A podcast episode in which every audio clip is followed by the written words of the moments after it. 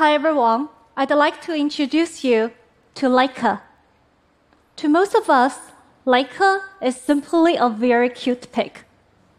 However, to hundreds of thousands of patients in need of a life saving organ, Laika is a symbol of hope. You see, ever since the 1970s, when organ transplants became a real option for patients with kidney failure and other organ diseases, organ supply has been an issue. Over the last few decades, the issue only worsened as organ demand has exponentially increased. Currently, in the US, there are close to 115,000 patients in need of life saving organ transplant. By the end of my talk, one more patient will be added to this list. Today, about 100 people will get a new organ, a chance to start their life anew, and yet, by the end of today, 20 others will die waiting.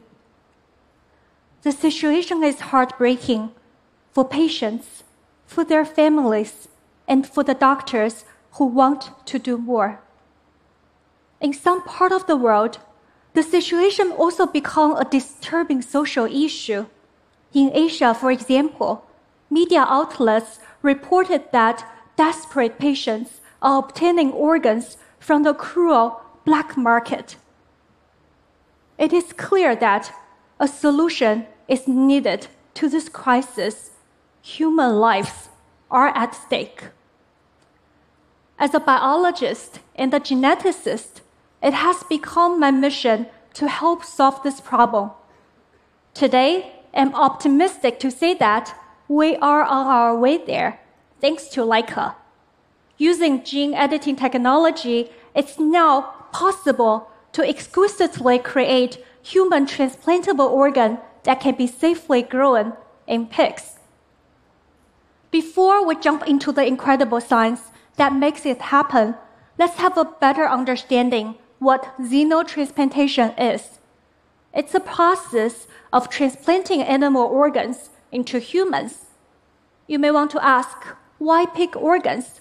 Because some pigs carry organs with similar size and physiology to human organs.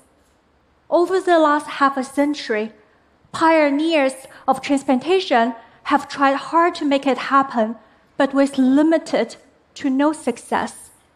Why is that? Two fundamental hurdles stood in the way. First is the problem of rejection.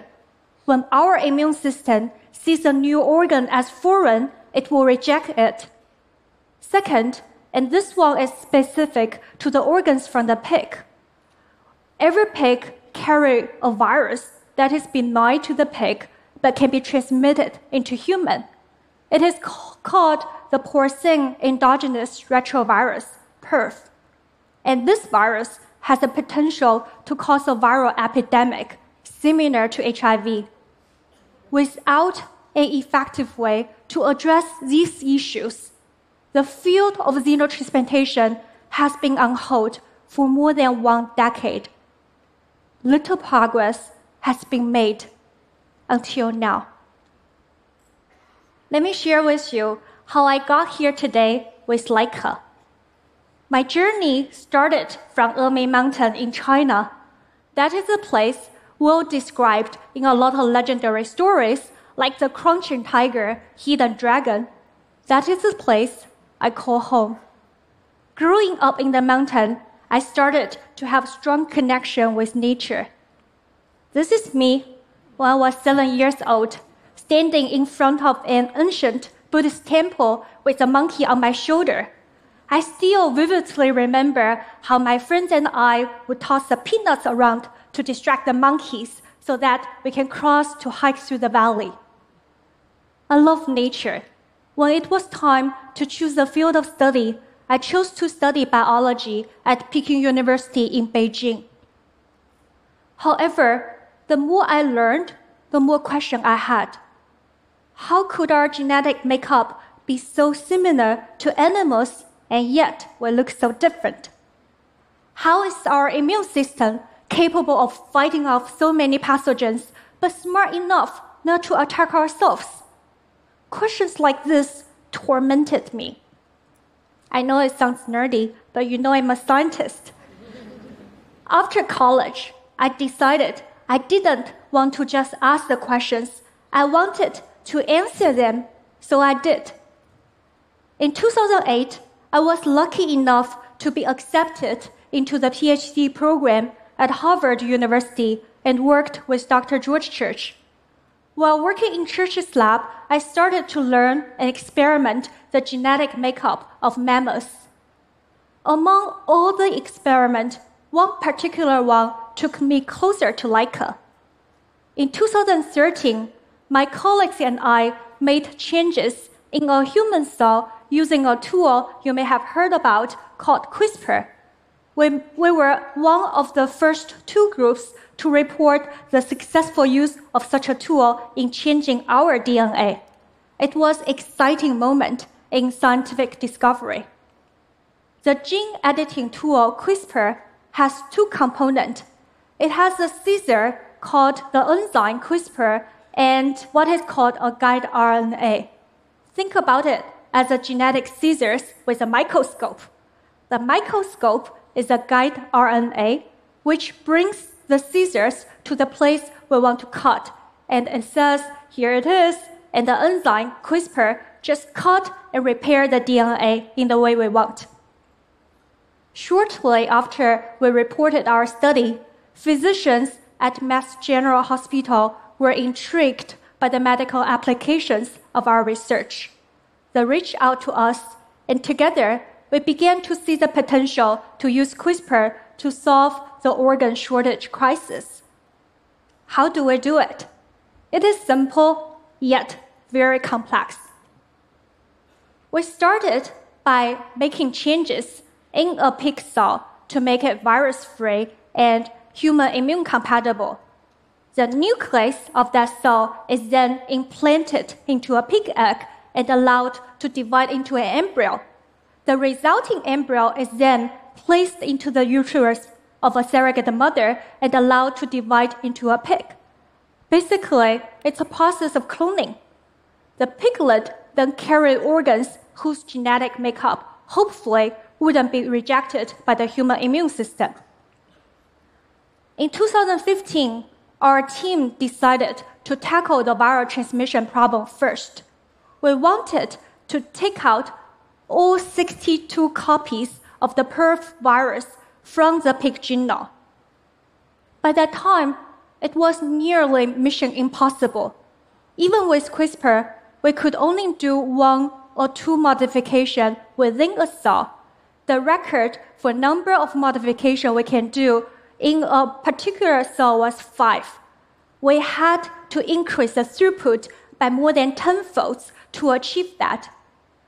With very careful design and hundreds of trials, we successfully took out all the virus, broke the record.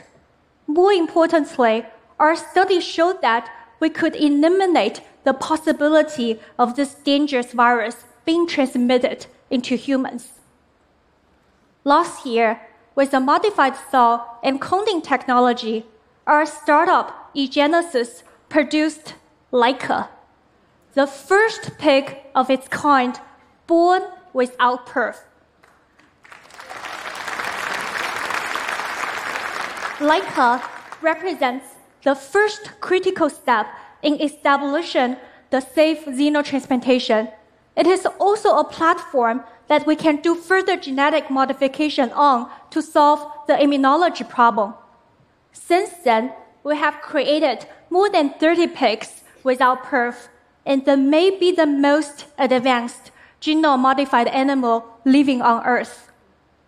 We named Laika after the Soviet dog, who was the first animal to orbit the Earth. We hope Laika and her siblings can lead us into a new frontier of science and medicine. Imagine a world where patients suffer from liver failure can be saved with a new liver without having to wait for a donation or another human to die. Imagine a world where people with diabetes do not have to rely on insulin after every meal because we can provide them with good pancreatic cells that can produce insulin on their own. And imagine a world where patients with kidney failure do not have to face the burden of dialysis. We are striving to create that world, a world without organ shortage. We finally have the tool to tackle the problem we could never tackle before, and Laika is just the beginning of our journey. We have to be very humble in front of the nature because there are more issues to be addressed, including immunology and things we couldn't even anticipate at this point. However, it is our responsibility to translate the cutting edge science into medicine to save the lives of all the patients who are waiting. Thank you very much.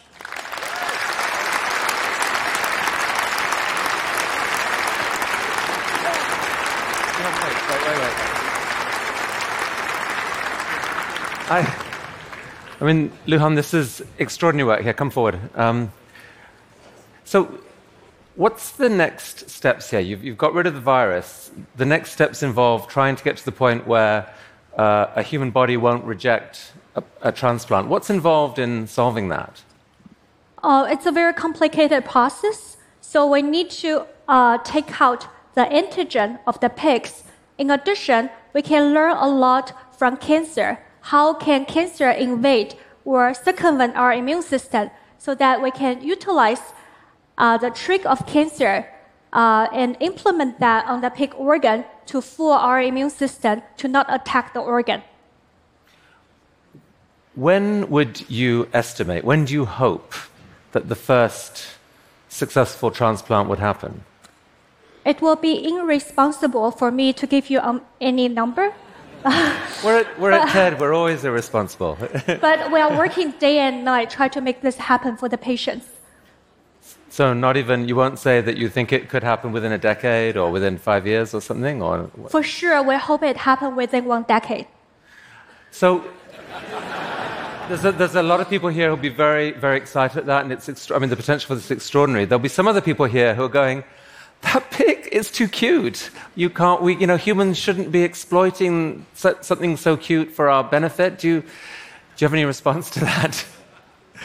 Yeah, sure. So um, imagine one pig can save eight people's life.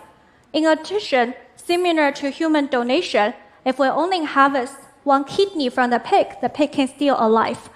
So um, we are very mindful about uh, the issues, but I think our goal is just to address the unmet medical need for those patients and their families. Plus, no one can say that to you if they eat bacon, right? That's a good point. Uh, Luhan, thank you so much. Thank you so much.